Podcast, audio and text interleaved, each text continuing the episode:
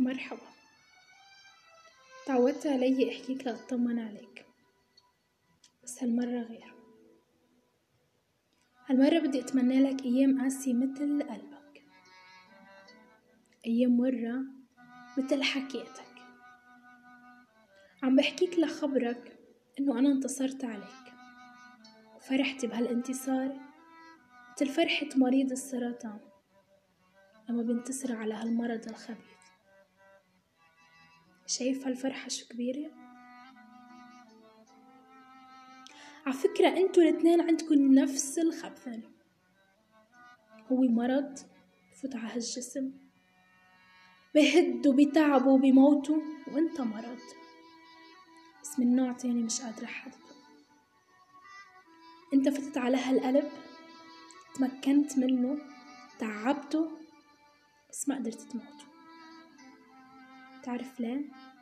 لأنه هالقلب مع كل خيبة أمل بيتعرض لها بصير أقوى. مع كل دمعة نزلت من عيوني زدني أمل بالحياة. أمل لكفي من أول وجديد. ادعس عليك وكأنك مش موجود. اليوم وللمرة الأولى. أنت منك بطل رواياتي. فارس أحلامي اللي كنت أنطره وقعوا الحصان بنص الطريق.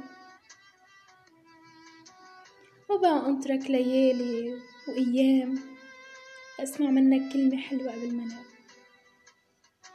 صدقني حتى بمخيلتي بطلت موجود. بطلت ألجأ لك وأحكيك كأنك عايش فيها.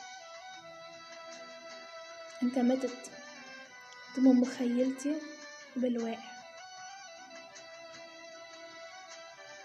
صار الوقت إنه بارك لنفسي مش لغيري.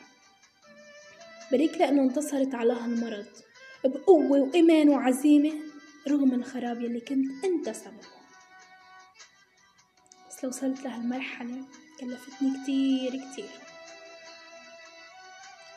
كلفتني دموع وأيام وليالي وخسارات. بس كله من بعدك عم يتعوض. قبل ما أفل بدي أتشكرك على كل لحظة وكلمة حلوة كنت أنت سببها كرمال ما تكون نكرة للجميع. بدي منك تقرأ كتاب لفاتن حمود. بعنوان ظننته رجلا ونسيت أن بعد الظن إثم بيلبق لك. وداعا أيها المرض.